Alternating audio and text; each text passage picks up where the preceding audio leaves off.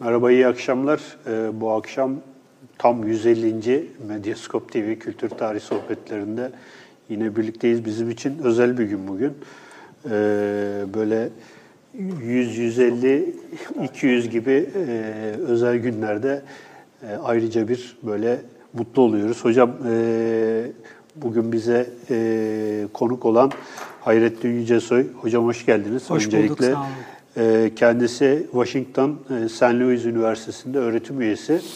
E, bugün kendisiyle e, Orta Çağ İslam'ında Mesihçi inançlar ve imparatorluk siyaseti klasik yayınlarından çıkmış olan şu doktora tezi üzerine e, konuşacağız. Bu yayının size ulaşmasında bize destek olan Kronik yayınlarına da buradan ayrıca önce bir teşekkür ederek yayına başlamak istiyorum. E, kendisi bu sene Sabbatical'la Türkiye'de işte belli bir dönem kalacak. Biz de hazır buradayken e, bir e, imkan olarak bunu değerlendirdik ve çağırdık. Sağ olsun hocam tekrardan teşekkür ediyoruz. Bu doktora tezi Chicago Üniversitesi'nde Colin Fletcher ve diğer Fred Donner, Cornel Fleischer ve John Woods'un gözetiminde yaptığım bir doktora tezinin e, genişletilmiş hali. Evet. Ee, bugün bu e, kitap üzerinden konuşacağız. Ben buradan yola çıkarak ilk e, soruyu gene Ozan'a veriyorum. Buyur Ozan. Abi teşekkür ederim ya. Estağfurullah. 150. 150. 150. program olunca sana bir kıyak yapayım dedim. Aa, sağ olasın. Hocam yine hoş geldiniz. Sağ olun. Tekrardan. Ee, yani bu aslında kitaba girmeden önce bazı kavramları e, netleştirelim istiyorum. Yani burada mesela Mehdi, Mehdi, Mesih, o, kıyametçilik, bin yılcılık. Bu, bu gibi kavramlar geçiyor kitapta ve aslında genel olarak da konuşulan konular bunlar. E, güncel olarak da konuşulan konular. Bunları biraz açık açmamız mümkün müdür? Tabii. E, öncelikle e, bu nazik davetiniz için ikinize de çok teşekkür ediyorum. Estağfurullah. hocam. E, hakikaten e, benim için e, güzel bir sürpriz oldu. E, üzerinde aşağı yukarı 7-8 sene çalıştığım bir çalışmanın e, Türkçe'de çıkması, sonra da çıkıp yani bunu sizinle beraber e, konuşuyor olmak e, ayrı bir gurur vesilesi benim için. E, öncelikle onu söylemek istedim. Evet, yani hakikaten e, biraz kavramlardan başlamak e, en iyisi. E, en önce söylemek istediğim şeylerden birisi bu Mesihlik, e, Mehdilik, e, ahir zaman kehanetleri konusunun İslam'la başlamadığı elbette. Yani Yahudilik tarihinde çok önemli bir damar, Hristiyanlık tarihinde önemli bir damar, e, Mecusilik, Zoroastranizm tarihinde önemli bir damar. Bunun e, e, çoğumuz farkındayız ama e, bütün bu dinler arasındaki ilişkinin de önemli bir aksislerinden birisi olduğunu hatırlatmakta fayda var. E, Mesihlik inancının kökeninde aslında bir vaat yatar. Geleceğin iyi olacağı e, vaadidir bu. Neden böyle bir şey var? Şimdi monoteizmden önceki evrelere baktığımız zaman tanrılar var, değil mi? Yani politeizmlerde tanrılar var, tabiatın içinde tanrılar var. Kendi aralarında çok da anlaşamayan tanrılar çoğu zaman. Onların yarattığı bir dünya hayatı var. İnsanlar kendi hayatlarını da bu tanrıların e, ittifakları, çatışmaları, anlaşmaları ve anlaşmamaları çerçevesinde organize ediyorlar. Bir sonsuz bir döngü. Sürekli ta- tarihin kendi kendini tekrarladığı çevrimsel bir e, zaman boyutu içerisinde e, yaşıyorlar.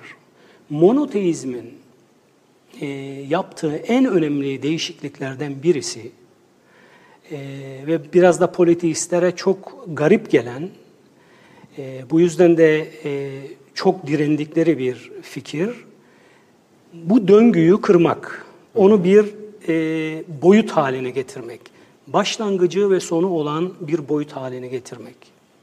Yani insan türünün e, bir başlangıcının olduğu ve bir sonunun olduğu ve bu iki nokta arasında belli bir seyrinin olması gerektiğiyle alakalı düşünce monoteizmin bize kazandırdığı bir düşünce.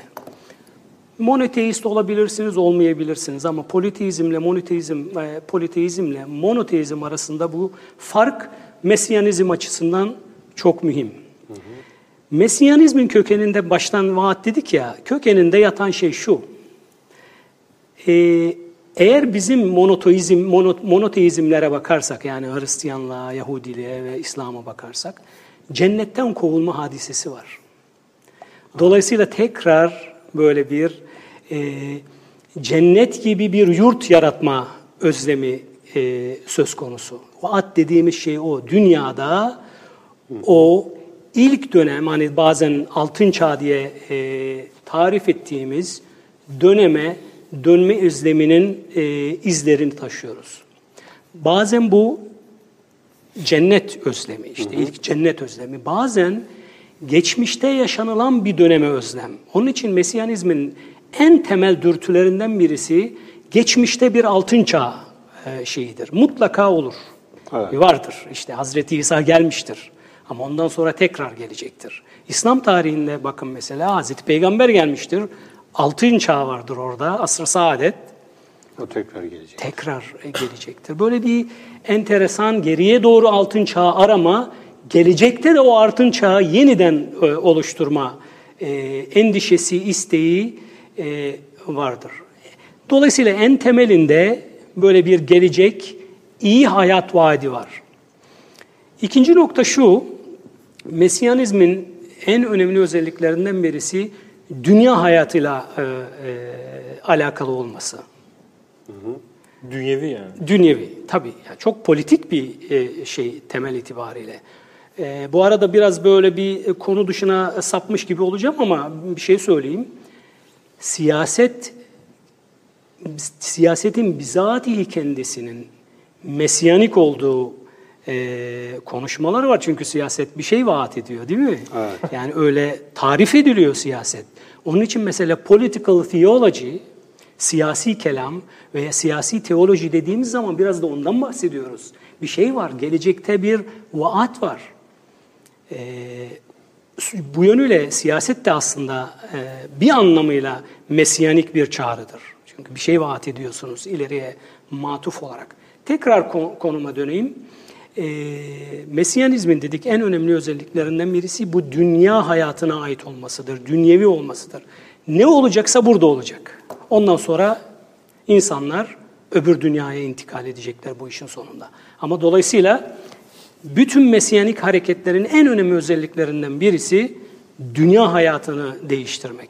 Toplumu değiştirmek, siyaseti değiştirmek, e, insanı e, değiştirmek. Şu bu önemli bir e, önemli bir nokta. E, peki yani nedir yani bu insanları bu değişime iten faktör ne?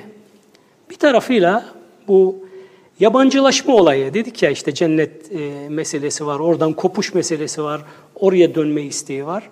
Aynı zamanda dünyadaki adaletsizlikler, haksızlıklar ve zulüm. Ee, insan türünün yaşadığı bütün toplumlarda e, haksızlıklar e, var. Ve bu haksızlıkların ortadan kalkması için insan türü tarihi boyunca değişik fikirler ürettiği, değişik pratikler yaptığı, bu da onlardan birisi.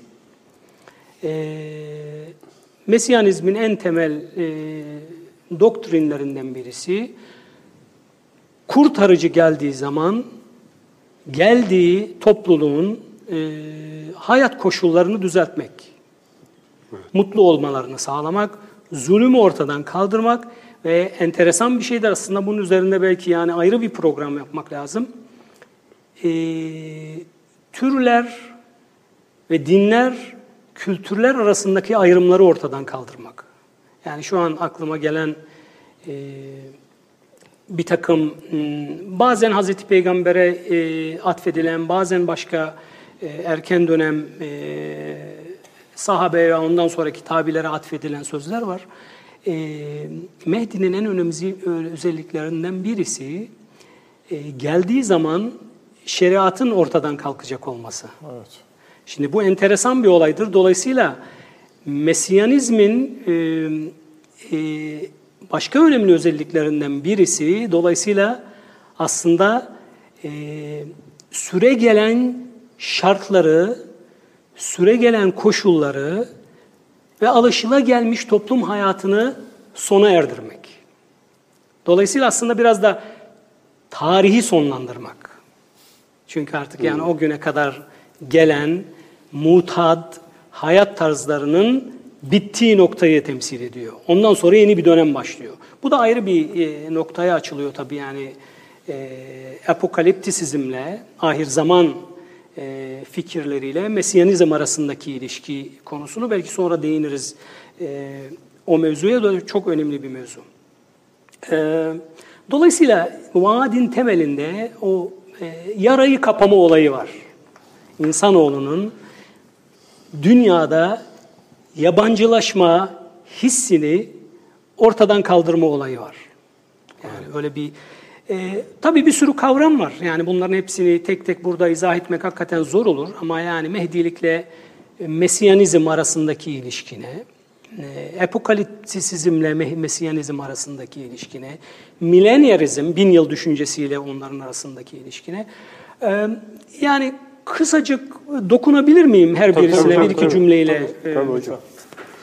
Ee, Mesih kelimesi bizim bildiğimiz e, e, İbranice'de, Yahudi tarihinde çok önemli bir kelime ama nihayetinde Hristiyanlıkta, İslam'da e, oradan alıyor o kelimeyi şey demek, e, alnı işaretlenmiş kişi demek. Meshetmek. Me- mes, mes etmekten, anointed diyorlar e, İngilizce'de.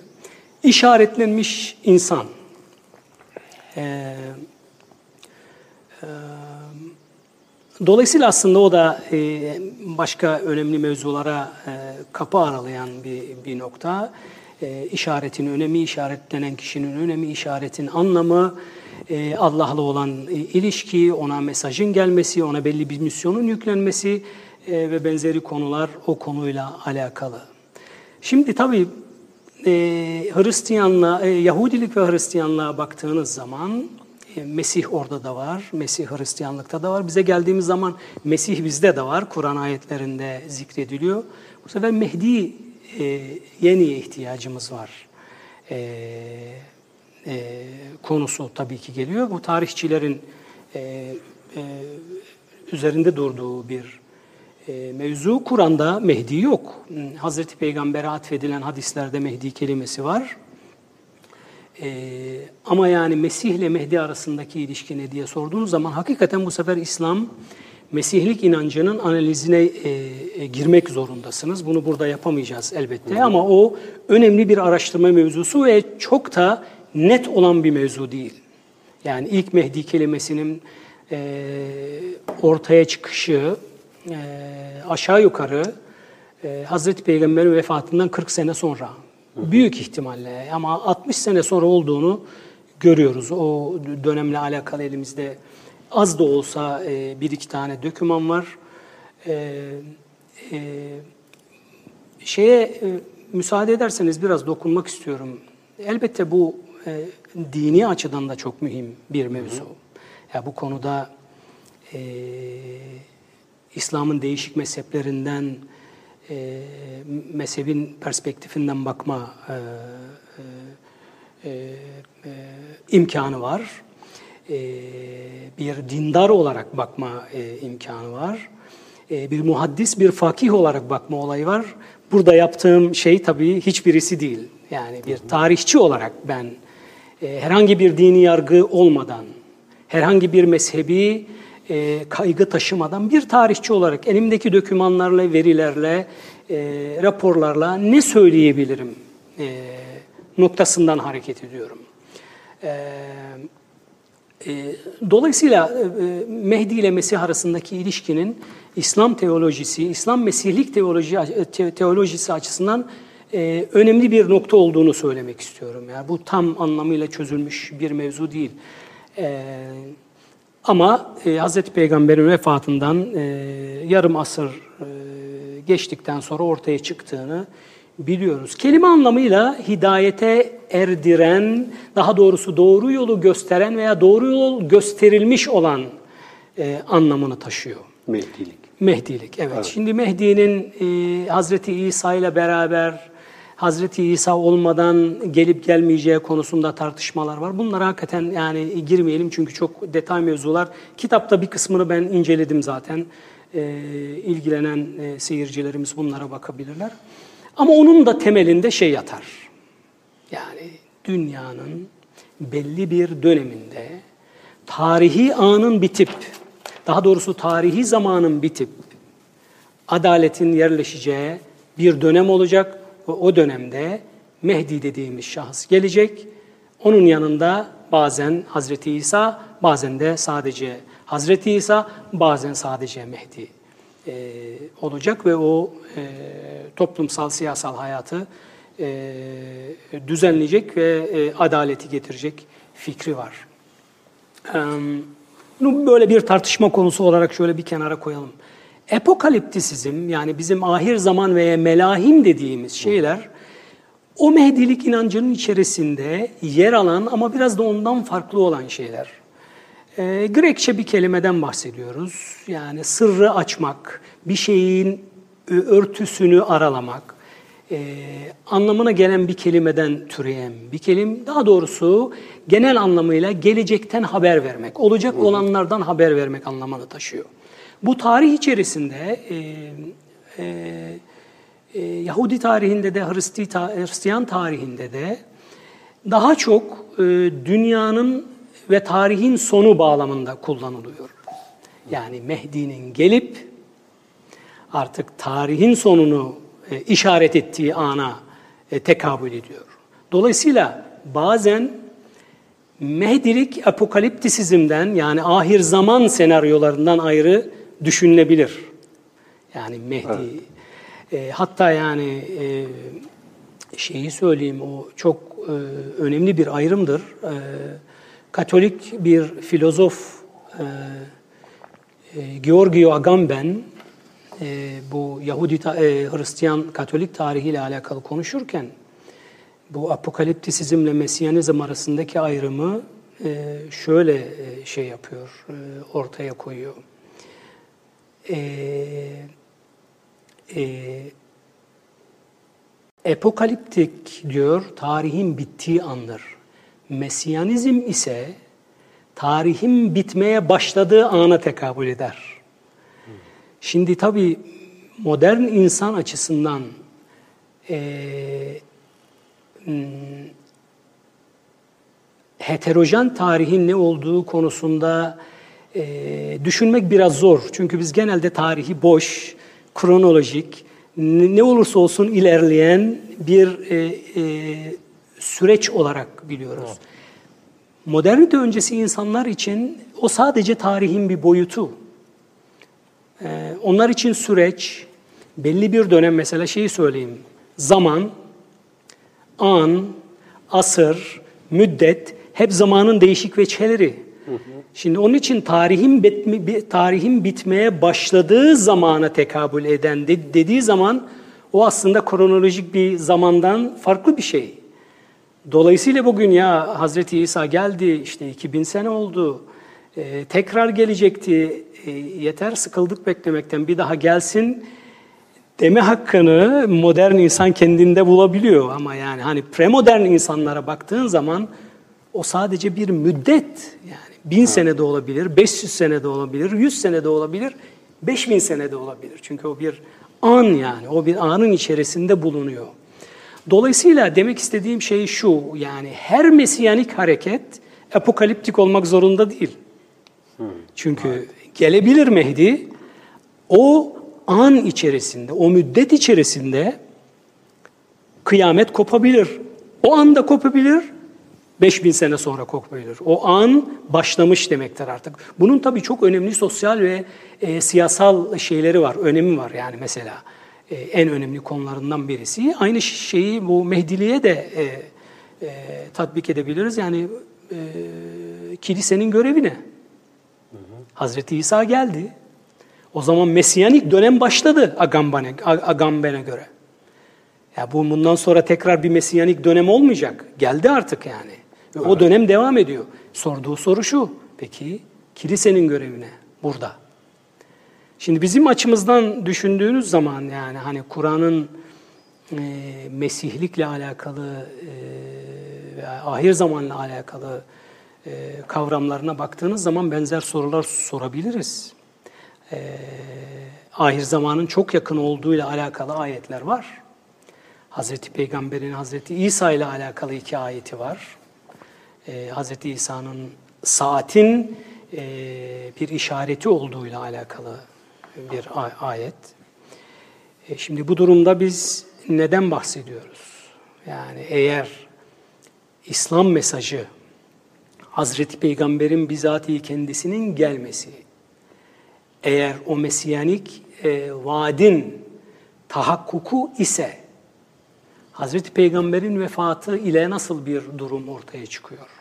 Bu kelamcılar, muhaddisler, tarihçiler bu konuyla ilgilendi yazdılar. Çünkü hakikaten önemli bir konu. Şimdi düşünün bir senaryodasınız. Yani bu siz e, e, seyircilerimizin bir kısmı da bilir. Siz de bilirsiniz. Hazreti Peygamber vefat ettiği zaman Hazreti Ömer'in bir reaksiyonu var. Ölmedi. Olamaz böyle bir şey diyor. Musa gibi gitti gelecek. Bu öldü diyenleri de diyor şey yapacak, cezalandıracak. Yani bu Hazreti Ömer gibi bir insanın e, Hazreti Peygamber'in vefatı sebebiyle böyle şeyler söylemesi enteresandır değil mi yani? Evet. bu insan cahil değil, ilk Müslümanlardan olan bir insan her zaman Hazreti Peygamber'in yanında. Orada farklı bir şey var. Farklı bir şey varsa Hazreti Ebu Bekir'in müdahalesi var. O rivayet yani ben metin hı hı. açısından konuşuyorum. Oldu olmadı şöyle oldu böyle oldu. Ayrı bir olay bir metin tahlili yaparken e, konuştuğumuz bir şey bu. Eee onu onları söylemeye iten şey ne? Bu konuyla alakalı. Yani artık e, Hazreti Peygamber'in e, enteresan bir şeyi var. E, bu e, son saatle alakalı ne kadar yakın olduklarıyla alakalı söylediği bir şey var. E, ashabına dönüp diyor ki benle saat böyleyiz. Yani şu iki parmağını göstererek. Sanki diyor saat beni geçti gibi. Yani o kadar şey yani yakın ki yani ben gelmeden saat gelecek gibi yani yarış yapan e, iki, iki insan gibi. Hatta diyor ki başka bir e, rivayette benim durumum şöyle diyor kendi ashabını anlatırken. E, e,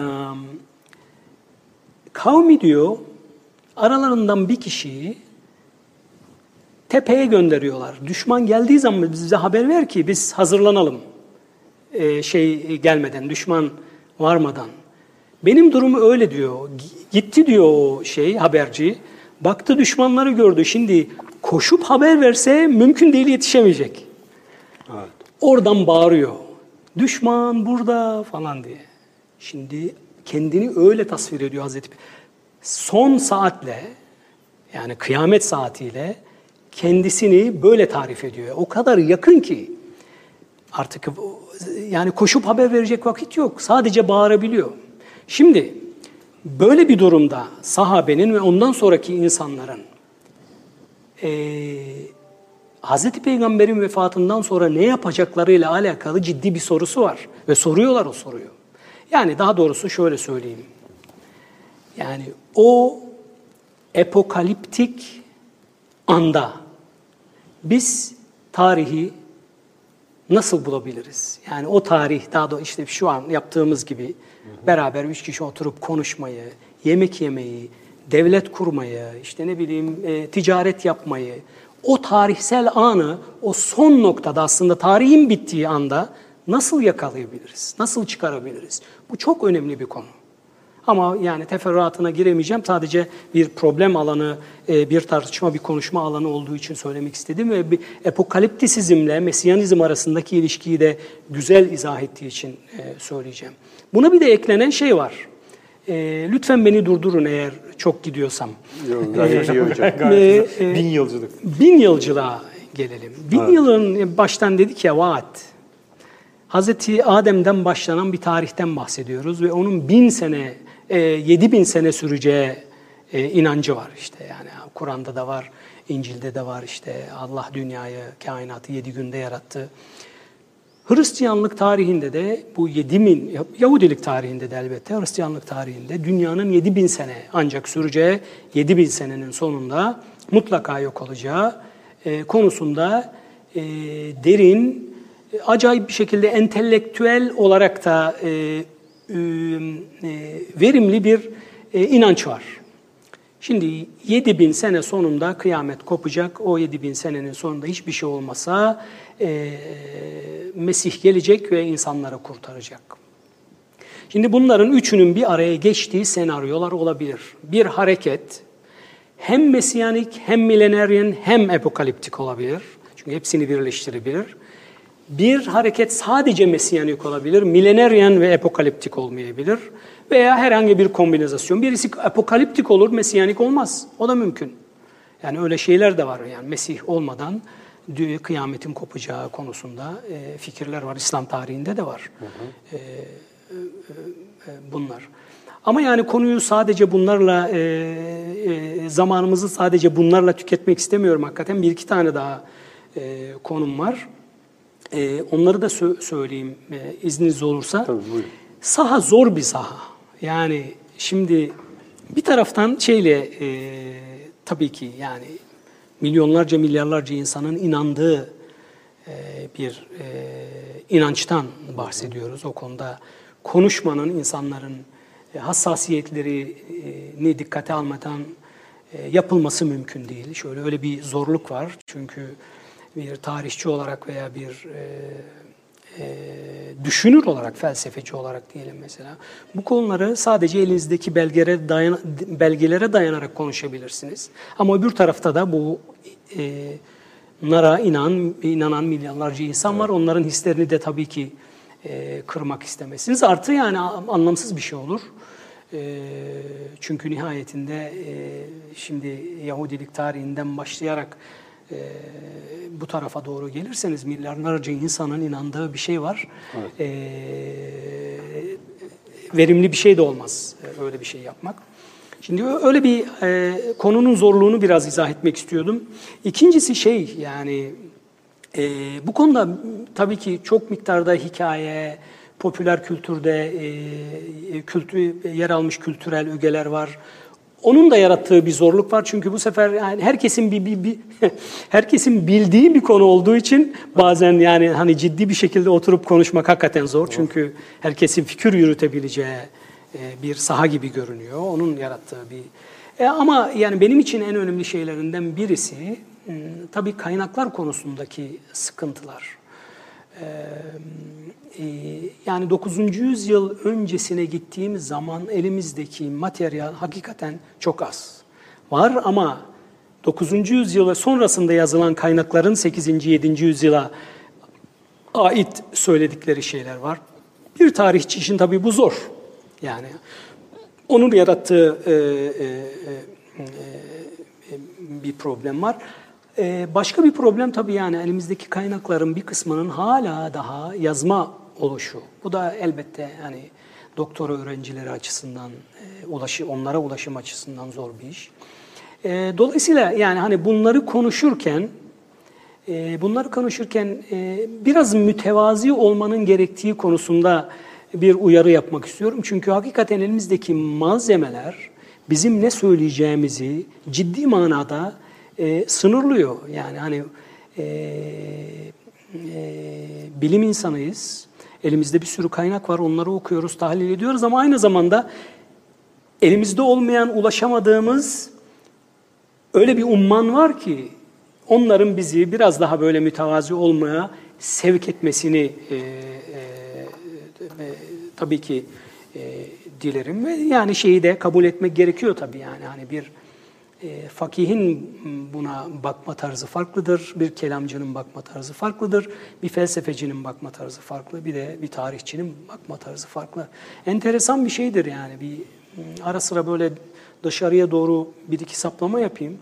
E, bu Mesiyanizm, epokaliptizm konusunun e, daha çok kelamcılar, fakihler, e, müfessirler arasında olup da Felsefecilerin büyük bir kısmı arasında mesela çok yaygın olmaması enteresan bir durumdur. Yani felsefeciler, hani Müslüman filozoflardan bahsediyoruz. Yani o kadar e, bu konuyla çok fazla ilgilenmemiş olmaları onların e, hani inançlarının bir zafiyetinden dolayı değil. Sadece şeyi söylemek istiyorum yani branş açısından da mühim. Yani bir epistemoloji oluşturuyorsunuz.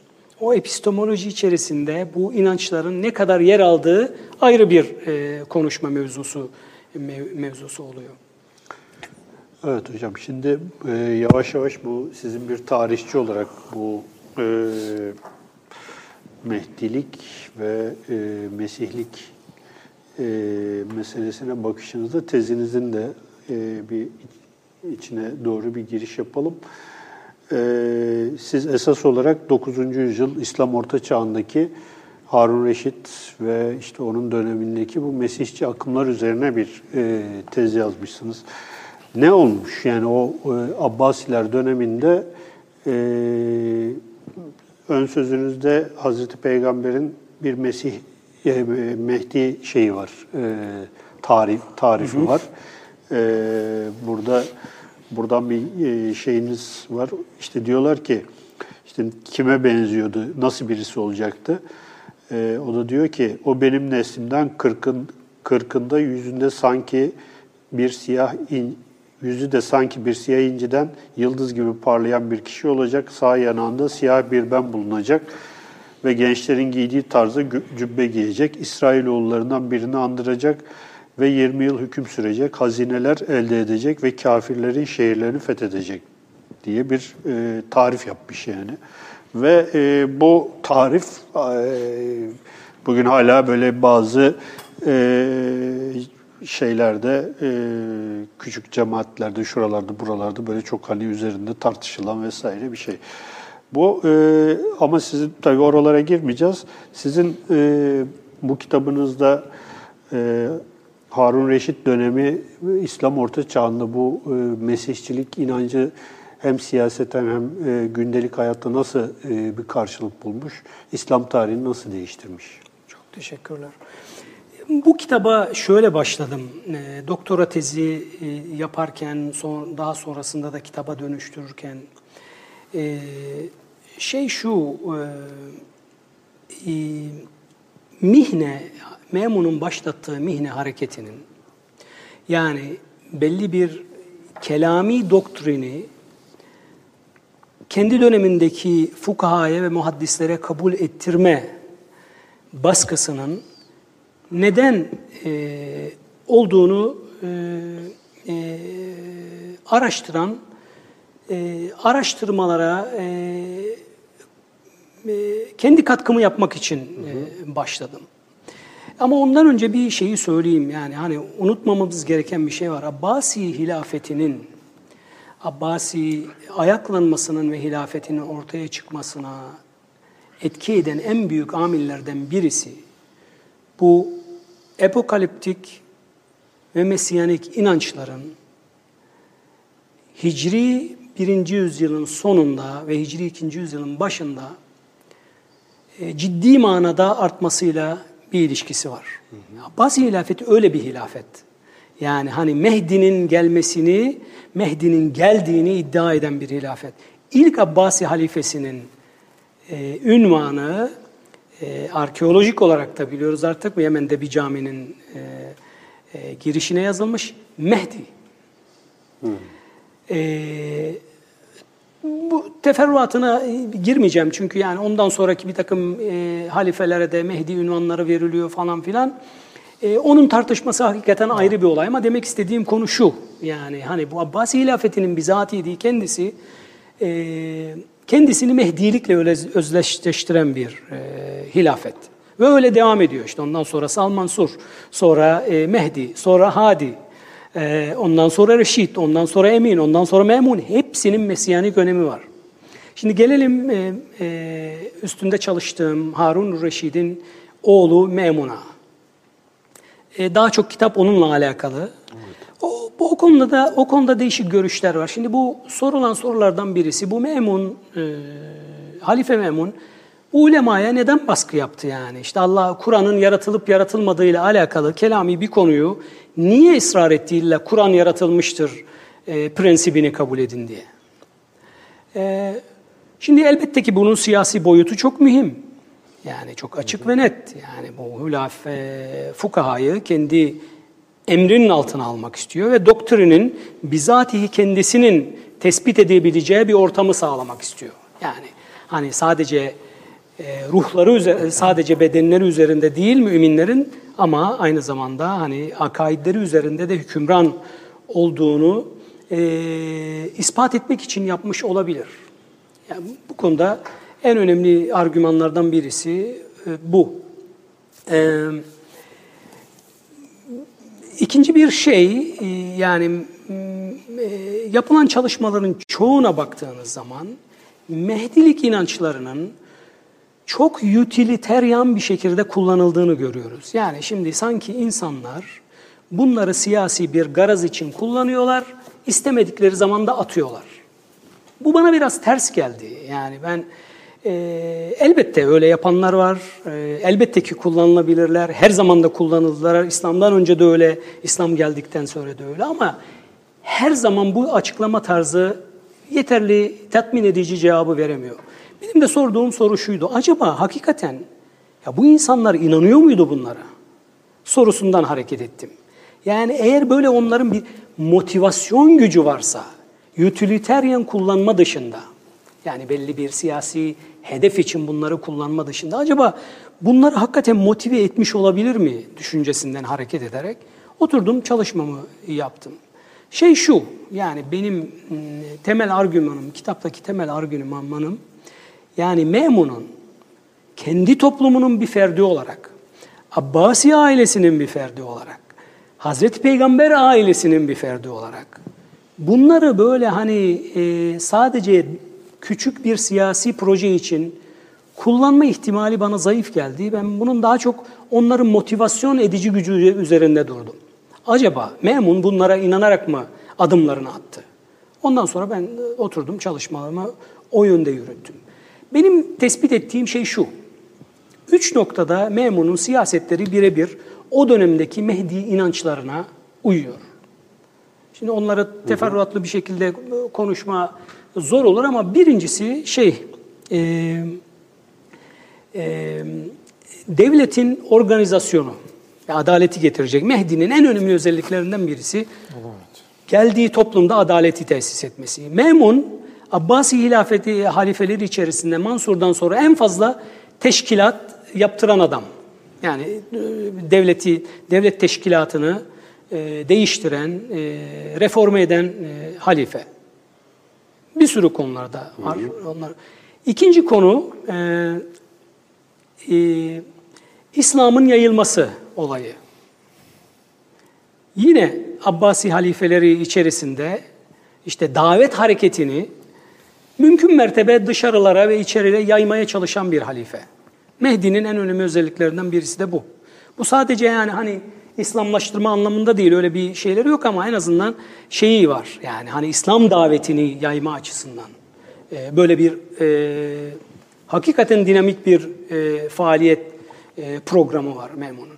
Üçüncüsü ve bence en mühimi ve mihneyi de açıklayan olaylardan birisi e, parantez içinde söyleyeceğim yanlış alması, anlaşılmasından korkuyorum dinde reform olayı. Yani dinin tecdid edilmesi olayı. Bu arada enteresan bir şey. E, e, izleyenlerimizin bir kısmı bilecektir. İslam'da çok e, siz bilirsiniz zaten e, müceddit e, hadisesi var. Evet. Müceddit hadisi, hadisinin çıktığı zaman El-Memun dönemi. Kendisini müceddit gördüğünü iddia ediyorum. Yani bu şekilde Mehdi Mesiyanik bir müceddit gördüğünü e, e, iddia ediyorum. İslam'daki tecdit hareketinin tecdit hareketini e, Hicri 3. yüzyıl başındaki tecrit hareketinin e, Mesiyanik bir tecrit hareketi olduğunu ve bunun memun tarafından yapıldığını e, e, söylemeye çalışıyorum. Mihnenin bana göre yani hani en inanabileceğim e, açıklaması biraz o. Bir Mehdi olarak kendisinin hakkı olduğunu düşünüyor e, Memun. Evet. Öbür türlü biraz tam oturmuyor çünkü yani hani Abbasi tarihine baktığımız zaman yani Memun'un bu şekilde akaid üzerinde hükümran olma, akaid üzerinde söz sahibi olma e, iddiasını e, pek temellendiremiyorum. Yani hani Emevi dönemi olsaydı diyebilirdim. Yani öyle olabilir. Yani hani e, Şii imamı e, e, olsaydı evet yani bir yere kadar olabilirdi. Ama bir Mehdi olduğu Mehdi olarak düşündüğümüz zaman e, diğer e, alanlardaki faaliyetlerini de düşündüğümüz zaman böyle bir açıklama tarzının onun siretine uygun e, olacağını e, iddia ettim ve kitaptaki araştırmalarımda bulduğum deliller, kaynaklarda biraz da bana onu göstermiş oldu. Kitap temel itibariyle böyle ilgilendiği başka konulardan birisi e, bu minvalde elbette bu konu etrafında Hicri 2. yüzyıl yani 200, 200, 200. yılın Mesiyanik ve epokaliptik önemiyle alakalı. Yani Nuaym bin Hammad Kitabül Fiten diye bir kitabı var. Herhalde İslam erken e, İslam döneminin en mühim mesiyanik ve epokaliptik kitabıdır yani. İçinde aşağı yukarı e, birkaç bin tane rivayet var. Bir kısmı Hazreti Peygamber'e ama çoğu e, başka e, e, sahabi ve ondan sonraki insanlara atfedilen rivayetlerle dolu. Mehdilikle, ahir zamanla, işte ne bileyim yüz yıl düşüncesiyle, bin yıl düşüncesiyle alakalı tonlarca hadis var. Ve evet. Nuaymi bin Hammad o dönemde yaşayan bir insan.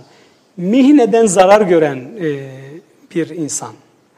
E, kendisi de mihneye tabi olmuş bir insan. Daha çok o onun rivayetlerini tahlil ederek bu e, kitabı e, temel argümanını temel argümanını oluşturdum.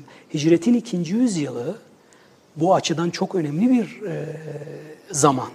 Yani var. insanlarda böyle bir beklenti var. Mehdi geldi gelecek, belki de geldi, belki de aramızda. Oradaki rivayetleri toparlayarak e, şey yapmaya çalışıyorum yani hani göstermeye çalışıyorum. Ama yakın bir dönemde ortaya çıkıyor değil mi? Yani hep biz o sanki daha böyle uzaktaymış gibi, uzakta gelecekmiş gibi düşünüyoruz ama çok böyle yakın aslında. Hani Tabii. Peygamber daha yeni yeni ölmüş yani 200 sene çok şey değil yani. Tabii. Çok uzun değil.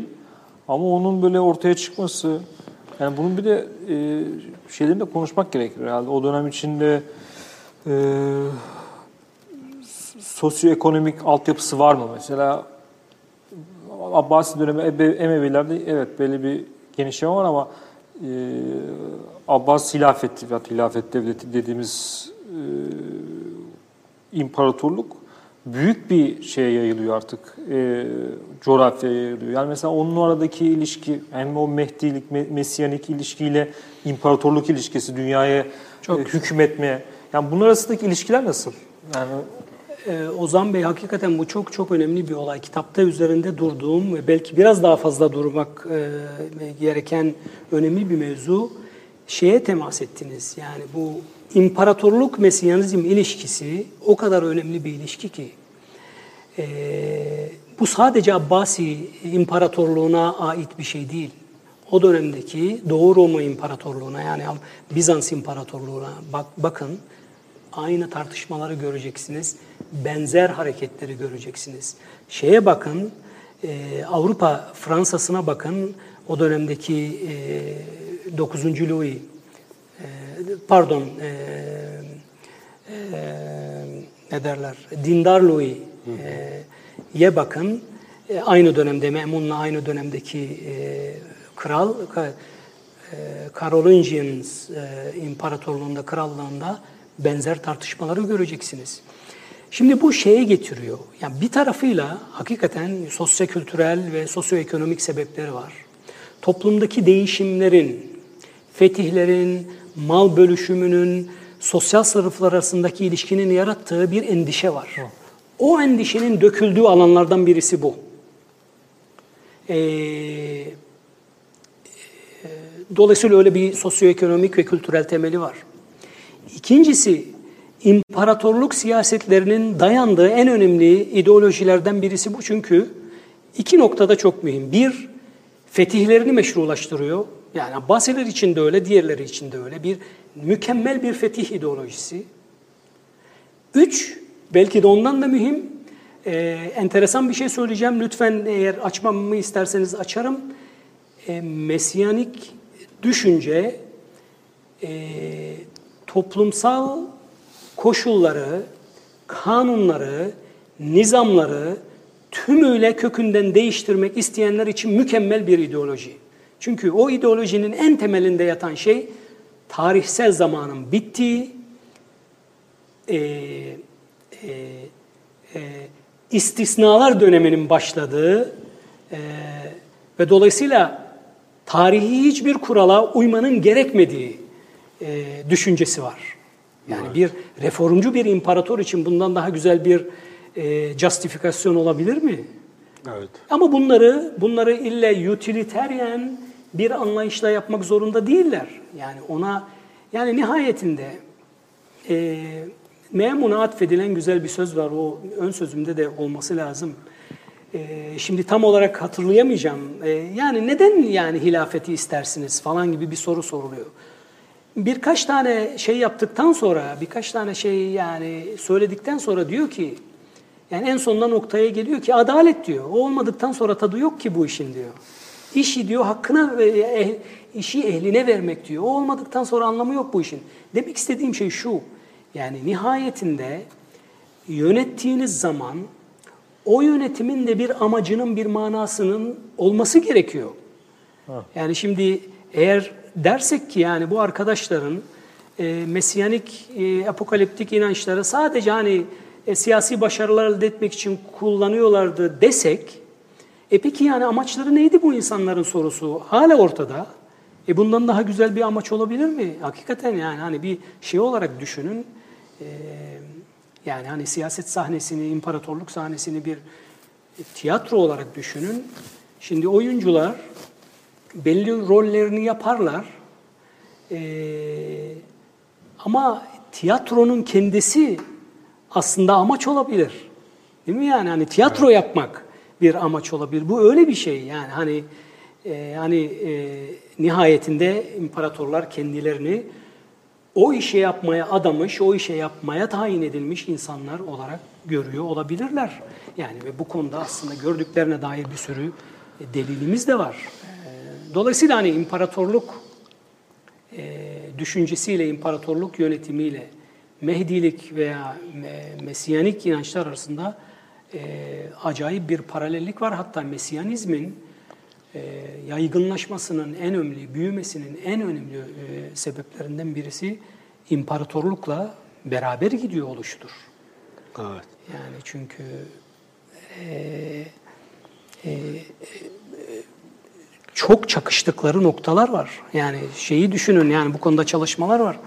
Tek tanrı, tek imparator, tek kurtarıcı. Aha. Yani e, hani Roma'da biraz da Mesih'in olmamasının sebeplerinden birisi o. Yani hakikaten orada bir kombinasyonda, siyasi konfigürasyonda bir e, farklılık var. Yani Konstantin'in Hristiyan olup hemen böyle evrensel iddialara kalkışması mühim bir olay. Ben de tam onu söyleyecektim. Evet. Yani, yani siz bunları söylerken aklıma Büyük Konstantin geldi. Tam 3. yüzyılda, 330 yılında işte İstanbul'u 33 yaşında sanıyorum çarmıha evet. geriliyor. Evet. Yani tam böyle bir 3. yüzyılcılık şeyinde İstanbul'u başkent ilan ediyor. Kendini Tabii. de bir anlamda Mesih ilan ediyor. Tabii. Çünkü e, işte bir kilise inşa ettiriyor ve o Havariler Kilisesi işte bugünkü Fatih Camii'nin olduğu yerde toplayabildiği bütün işte e, azizlerin, reliklerini toplayıp 13. Havari olarak da kendi hepsini böyle bir mimari olarak da onları dizayn ettiriyor falan filan. Ve e, pagan olmadan önce yani paganken de kendini Zeus'un oğlu Apollon şeyinde görüyor işte yani İsa Mesih Tanrı'nın oğludur falan filan ya. Yani o e, impara, yani bir imparatorluğun aks değiştirdiği bir noktada işte din değiştiriyor, coğrafya değiştiriyor, başkentini değiştiriyor falan. Bütün bunları da meşrulaştıracak bir işte şey, ünvan yani Mesih. Tabii. veya e, Evet. Mehdilik vesaire. E, ve bunun da çok e, meşru bir zeminini e, yaratıyor Büyük Konstantin. Ya belki de tarihteki en büyük e, pratiği o yapmış oluyor yani bir anlamda. E, Garth Foden diye bir tane e, Roma tarihi çalışan e, bir hoca var. E, Princeton'daydı en son. Yanlış hatırlamıyorsam emekli olmuş olabilir. E, From Empire to Commonwealth diye bir kitabı var. Ondan sonra bir iki tane kitap daha yayınladı. Çok çok mühim e, kitaplar. Bu konuları inceliyor. Monoteizmle imparatorluk arasındaki ilişkiler. E, yani Mesiyanizm olayı onun da bir e, şeyi, parçası. E, yani e, Konstantin'in e, e, hocanın e, e, argümanına göre Konstantin'in yapmaya çalıştığı en büyük şeylerden birisi Roma İmparatorluğu'nun yapamadığını yani evrensel bir imparatorlukla evrensel evrensel bir dini bir araya getirmek olduğunu söylüyor. Yani Roma e, Panteon'u farklı bir şey. Onlar da farklı bir yandan yapmaya çalışmışlar. Panteon'a bütün fethettikleri yerlerin tanrılarını getiriyorlar falan. Öyle bir e, ama bir türlü o şey o oturmuyor. Yani e, siyasi evrensellikle dini evrensellik bir türlü çakışmıyor. Şimdi Konstantin'in ba- başarı e, başarabileceği şey oydu ama diyor ki Garth Foden e, problem şeydi yani Konstantin Hristiyan olduğu zaman 300 sene geçmişti e, İsa'nın gelişi üzerinden diyor.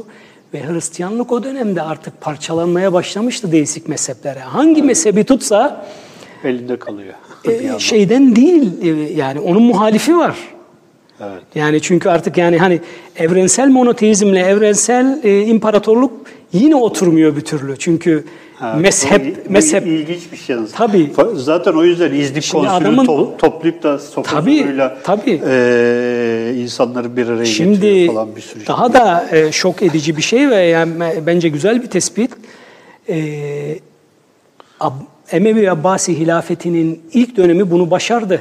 Yani Emevi hilafeti daha çok bunu başardı. Çünkü mezhep farklılığı çok fazla yok. Evrensel bir imparatorluk var ve evrensel bir din var. Yani diyor ki Büyük İskender'in Roma İmparatorluğu'nun hayal edip de beceremediği şeyi onların adına hilafet yaptı diyor. Ama hilafet açısından da tabii sonuç net- netice aynı. 50 sene sonra mezhepler oluşunca yani monoteizm farklı parçalara ayrılınca bu sefer evrensellik yine monoteistik evrensellik ortadan kalkıyor. Mezhep problemleri ortaya çıkıyor. Zaten imparatorluğun kendisi de bu sefer eee, duramıyor yerinde. Şimdi dolayısıyla hani kitaba geri dönecek olursak yani şimdi Mesiyanizm ideolojisinin siyasi e, önemi bu açıdan üzerinde konuşulması gereken şey bir hükümrana bir hayat e, hükümranlık anlamı sağlıyor. Yani kendisinin ne olduğu konusunda ona kendisinin de inanacağı bir hikaye anlatıyor. İki, yapması gereken şeyler konusunda ona bir program sunuyor. Adil dünya düzeni kuracaksın. İşte mesajı neyse o mesaj diğer insanlara götüreceksin. Dolayısıyla bir nefis bir fetih e, ideolojisi. Artı arkadaş yani sen değiştirmek istiyorsan bütün yetki sende. Evet. Şöyle tarihi artık yani tarihin sonunda İstisnalar, istisna. Tabii istisna dönemindesin. Şeyin de mesela enteresan bir şey bu meşhur Alman e, siyaset teorisyeni Carl Schmitt e, bu sıralar meşhur onun political theology diye bir şeyi var yani hani istisnalar döneminde e, yani bu tip yetkiler tabii ki çok mühim yani Mesiyanizmin o açıdan e, çok büyük önemi var. Yalnız şunu söyleyeyim tabii yani Mesiyanizmin e, bir e, e, e, şiddete yönelen e, karanlık bir tarafı var. Tarih boyunca gördük. Bütün dinlerin tarihinde gördük. Yahudilikte, Hristiyanlıkta, İslam'da da. Yıkıp yakma var, düzeni bozma var, e, işte ne bileyim e, e, bir toplum içerisinde kuralları tanımama var. Yani onların yarattığı bir sürü problem var. Onun için hani 19. E, yüzyıl ve 20. yüzyılın ilk döneminde yapılan çalışmaların büyük bir çoğunluğunda Mesyanizmin bu tip böyle hani kötü, yıkıcı etkilerine vurgu var. Yani hatta bu konularda çalışan çok önemli tarihçilerden birisi e, e, ilk adını unuttum, Kohn soyadı. Yani diyor ki o bir kolektif bir hastalık biliyor, kolektif bir delilik diyor. Yani e, Norman Kohn kolektif bir e, delilik diyor yani bunların e, e, iyi bir tarafı mümkün değil olamaz diyor. Yani on, o şekilde bunlar tarihte Hristiyanlık ve Yahudilik daha, daha çok Hristiyanlık tarihini inceliyor. Şimdi böyle bir e, gelenek üstüne oturuyordu Mesiyanizmle alakalı çalışmalar. Bu kitabı yapmaya başladığım zaman hani hocalarımdan birisi olan Cornel Fleischer'ın elbette ki çalışması var. Biraz da onunla e, yani onunla e, e hani konuşarak tartışarak e, e, üstünde düşündüğümüz şeyler. Biz bir taraftan bu taraf okey. Bu yani bu bunları şey dedik yani bu tip e, sorunlar, bu tip e, problemler var. Ama acaba bunun yapıcı, düzeni bozmadan düzeni değiştirici e, etkisi var mı diye bakmaya çalıştım. E, e, Memun'un hilafetinde onu göstermeye çalışıyorum. Yani düzeni bozmadan düzenin daha iyileşmesine katkıda bulunmak amacıyla Mesiyanik ideolojinin e, nasıl e, siyasette çalıştığına e, işaret etmeye çalıştım. Hocam buradan bir şeye daha geçmek istiyorum ama belki e, kitabın biraz dışında kalacak ama bu Şii inancıyla e, yani Şii, Şiilikteki yine işte gayb imam onun gel, gelmesi bu mesyanik ilişki, mesyanik e, düşünceyle e, yakın bir ilişkisi var mı? Ya da etkiliyor mu? Ya da karşılıklı etkileri neler? Çok teşekkürler. Ya çok güzel bir konu. Elbette. Yani İslam mezhepleri arasında e, Mesyanizm ya da Mehdilik diyelim Meh. yani. Aslında Mesyanizmi bir e, tarafa bırakalım çünkü e, hani e, anlaşılmayabilir kolaylıkla. Mehdiliğin İslam mezhepleri için değişik şeyleri var, e, senaryoları var. E, 12 İmam Şiiliğinde sizin söylediğiniz şey var. İşte imamlar e, vardı, 12. imam gaybubete gitti, en sonunda gelecek ve kıyametin e, gelişini müjdeleyecek. Şimdi başka Şiilerde farklı şeyler var. Yani mesela İsmail'lerin bir kolunda imamet devam ediyor. İmam yaşıyor. Şu an aramızda. Evet. Yani onunla birebir ilişki kurabiliyorsun ve e, faaliyet gösteriyorlar. İmamın söylediği hakikaten kanun. Yani kural. E, Sünniler arasında da tabii ki şeyler var. Yani farklı görüşler var. İnanan var, inanmayan var. Sadece Hazreti İsa gelecek, başkası gelmeyecek diyen var. Mehdi deyip de Hazreti İsa'yı bilmiyoruz diyenler var. Farklı farklı senaryolar e, var. E, e, tarihsel olarak elbette ki bunları inceleyebiliriz.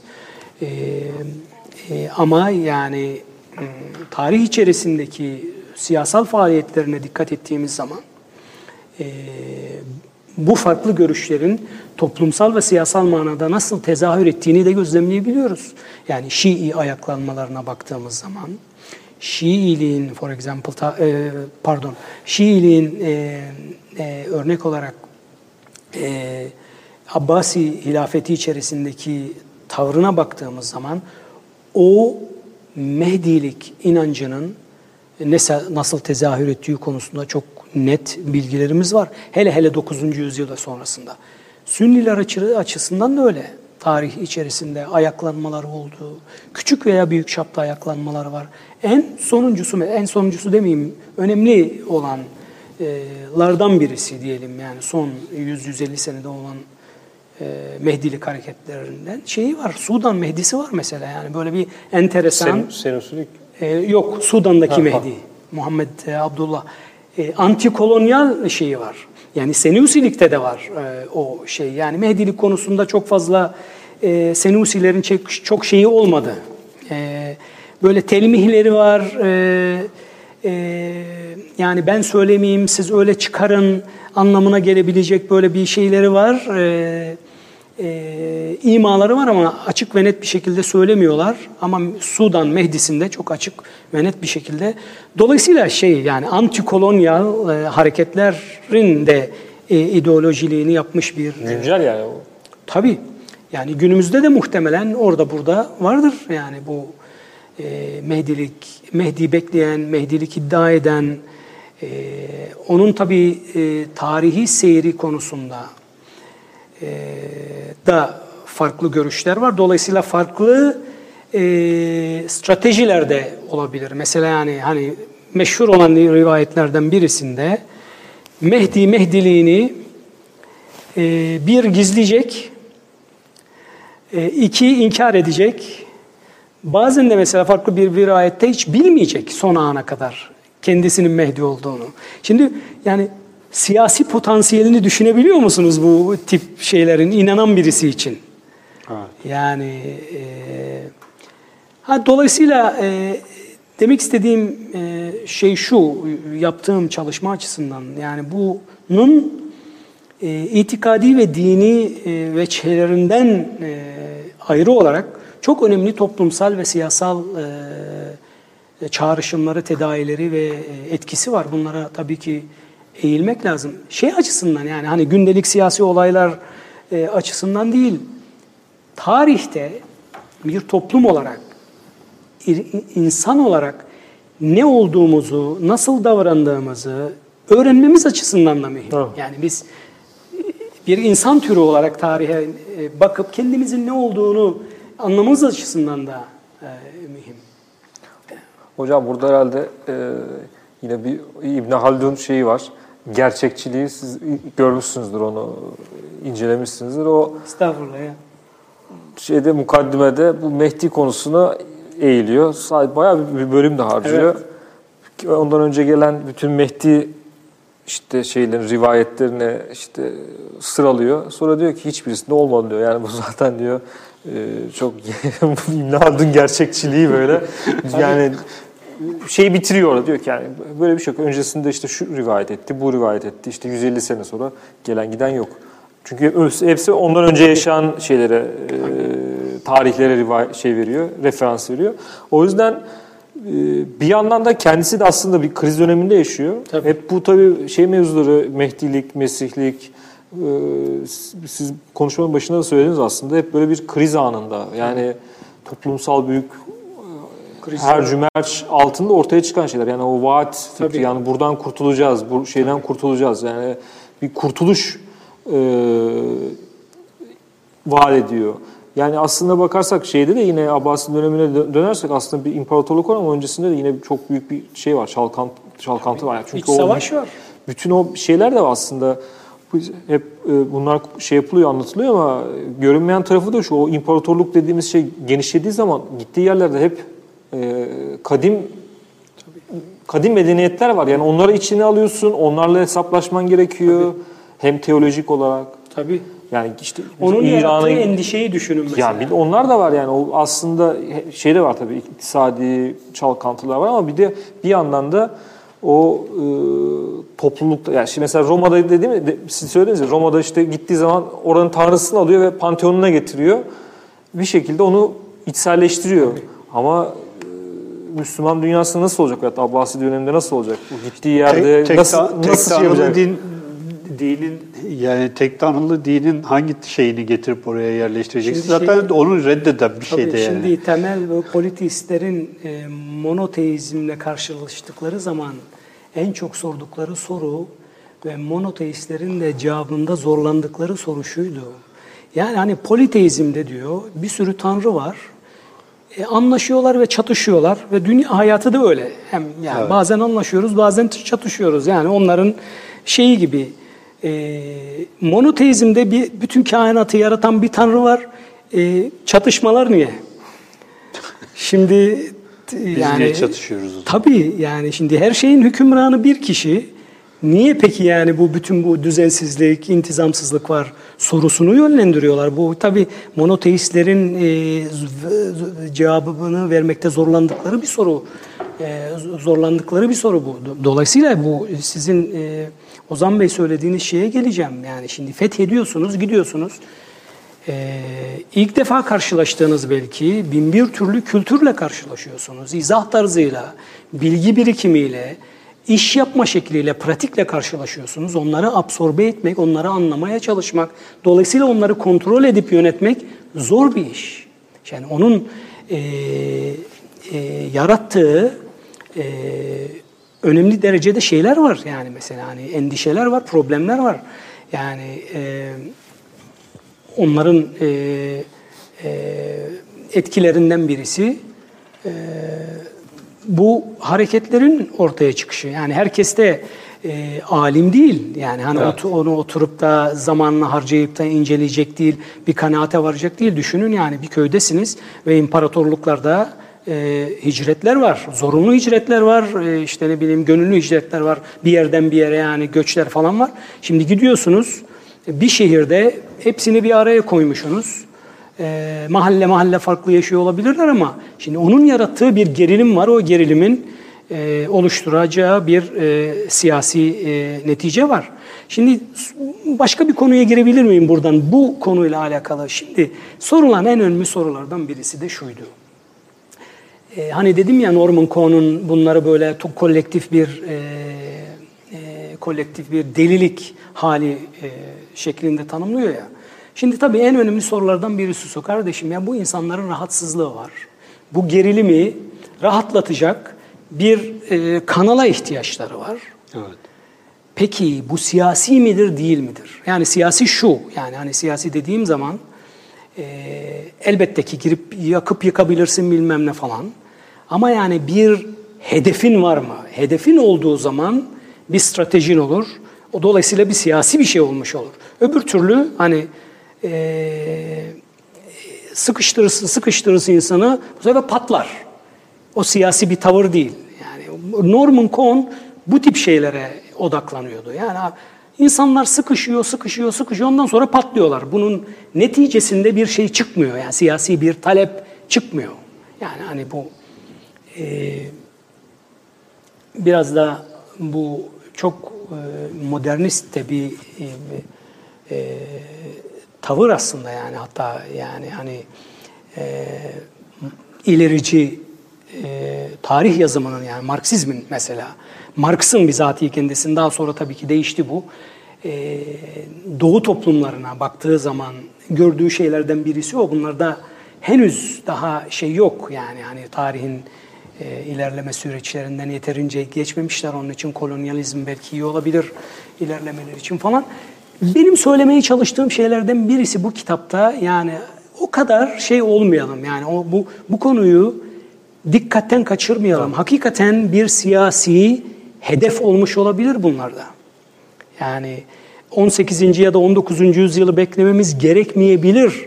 Siyasi bir bilincin ortaya çıkışını e, tespit edebilmemiz için. Ben böyle bir şey görüyorum. Yani e, 9. E, yüzyıldaki siyasi hareketlerde ya Mesiyanik hareketlerde böyle bir siyasi taraf e, olabilir diye düşünüyorum yani. Evet, yavaş yavaş e, toparlayalım hocam. Toparlayalım Yaklaşık hocam. bir saat 10 dakikadır e, konuşuyoruz. Sizin son olarak söylemek istediğiniz e, eklemek istediğiniz bir şey varsa alalım. Arkadaşlar e, tekrar tekrar teşekkür ediyorum. Bu davet hakikaten çok güzel bir davet oldu. Biz teşekkür ederiz hocam. E, kitabı tabii yayınlayalı bile aşağı yukarı 10 sene oldu. E, çok da dönüp bakmamıştım açıkçası yani, yani yapıp e, yazıp yayınlayınca bırakıp devam ediyoruz. Başka evet. projeler çıkıyor falan. Şimdi tekrar beni götürdünüz. Evet. E, e, biraz daha gençtim o zaman. Evet. E, o yıllara geri gittik falan. e, Şimdi geçsiz. E, e, konu önemli bir konu. E, popüler kültür Hatta dışında güncel bir konu yani. Güncel bir konu. Popüler kültür dışında bir, bir sürü önemli bir akademik var. alan. E, seyircilerimize e, hani popüler e, ve sadece yani e, dini bir e, konu olmadığını hatırlamalarını, bu işin iktisadi, siyasi, toplumsal önemli bir mevzu olduğunu ve bu konuya böyle yaklaşmalarının iyi olacağını e, evet. sadece hatırlatmak istiyorum. Çok teşekkür ediyorum. Biz teşekkür ederiz. Valla ben konuşurken bir Netflix'te bir belgesel vardı bu Osho. Evet. Tam bir yani Mehdi hikayesi adamın işte kurduğu böyle Amerika'daki tuhaf gotik grotesk böyle bir tuhaf bir e, şey hareketi. Yani yakın tarihin belki de gördüğü en e, acayip deneyimlerden bir tanesi. Ya bu e, aslında son derece popüler ve güncel bir konu. Yani sadece İslam tarihi veya din tarihiyle de alakalı bir şey değil. Dediğiniz gibi e, üzerine daha çok belki konuşulması gereken bir şey. Ama bizim süremiz de e, doldu. E, Bizim hocam, de- Sözünü kestim. evet. Tamam sen söyle ben. Hocam geldiğiniz için çok teşekkür ederim. E, Bizim işte 150 oldu ya böyle hani bunlar da aslında kesinlikle. çok bunlar da şey aslında. Yani hani 100. 200'den program, bahsettik, 150 de var 200. kesin. Bunlar da aslında hep böyle şey Bir- e, bir- mesi- biz de şimdi yukarıya doğru bakalım. yükseliyormuşuz. Nereden geleceği belli değil. Tabii şeyde e, kitabı alıp okumalarını tavsiye ediyoruz. Çok Biz program yapıyoruz ama hep bunu söylemek lazım aslında. Kitabı da alıp okusunlar. Burada kalmasın. Evet, klasik Böyle göstereyim. yayınlarından- Tabii hocam sağ olsun bana İngilizcesini de hediye etti. İmzalayarak. Tatlı güzel kitabı. Türkçesi var. Yeni bir kitap. E, alıp okumanızı tavsiye ederiz. Evet. Sen de abi.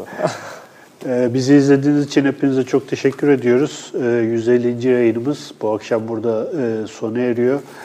Bu yayının size ulaşmasında bize destek olan Kronik kitabı da ayrıca teşekkür ediyoruz. Yayın masasında bu saate kadar bize yardımcı olan Aytu arkadaşa da teşekkür ediyoruz. İyi akşamlar diliyoruz.